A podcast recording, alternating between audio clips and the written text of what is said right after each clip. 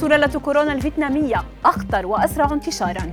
اكتشاف يمهد الطريق لأقراص مضادة للسمنة حل لخفض الكوليسترول والسكر.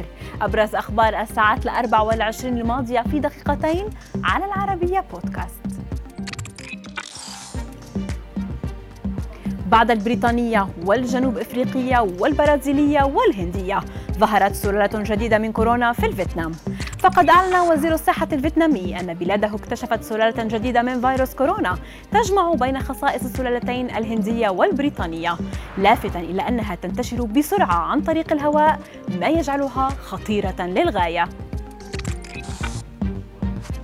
اكتشفت طفرة فيما يسمى بجين الدهون تسبب في تراكم الدهون أكثر من 16 كيلوغراما إضافيا على وزن الأطفال بحلول الوقت الذي يبلغون فيه سن 18 وذلك وفقا لما نشرته ديلي ميل البريطانية ويتحكم الجين في الشهية عن طريق صنع بروتين في المخ يحدد كمية الدهون المخزنة في الجسم.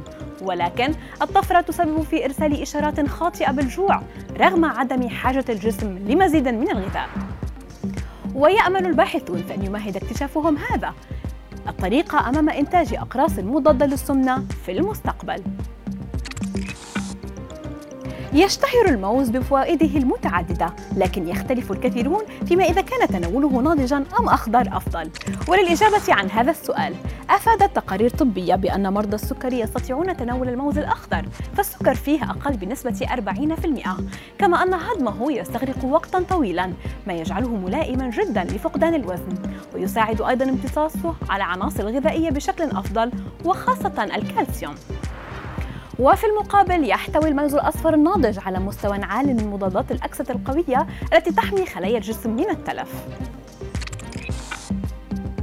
أوضحت دراسة أسترالية بحسب ما نشرته ديلي ميل البريطانية أن ممارسة التمارين الرياضية في المساء يعزز عملية التمثيل الغذائي وتسهل في التحكم في مستويات السكر في الدم خلال الليل.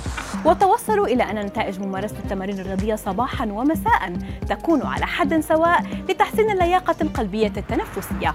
ولكن تبين أن ممارسة التمارين الرياضية في المساء فقط تؤدي إلى انخفاض مستويات الجلوكوز خلال الليل.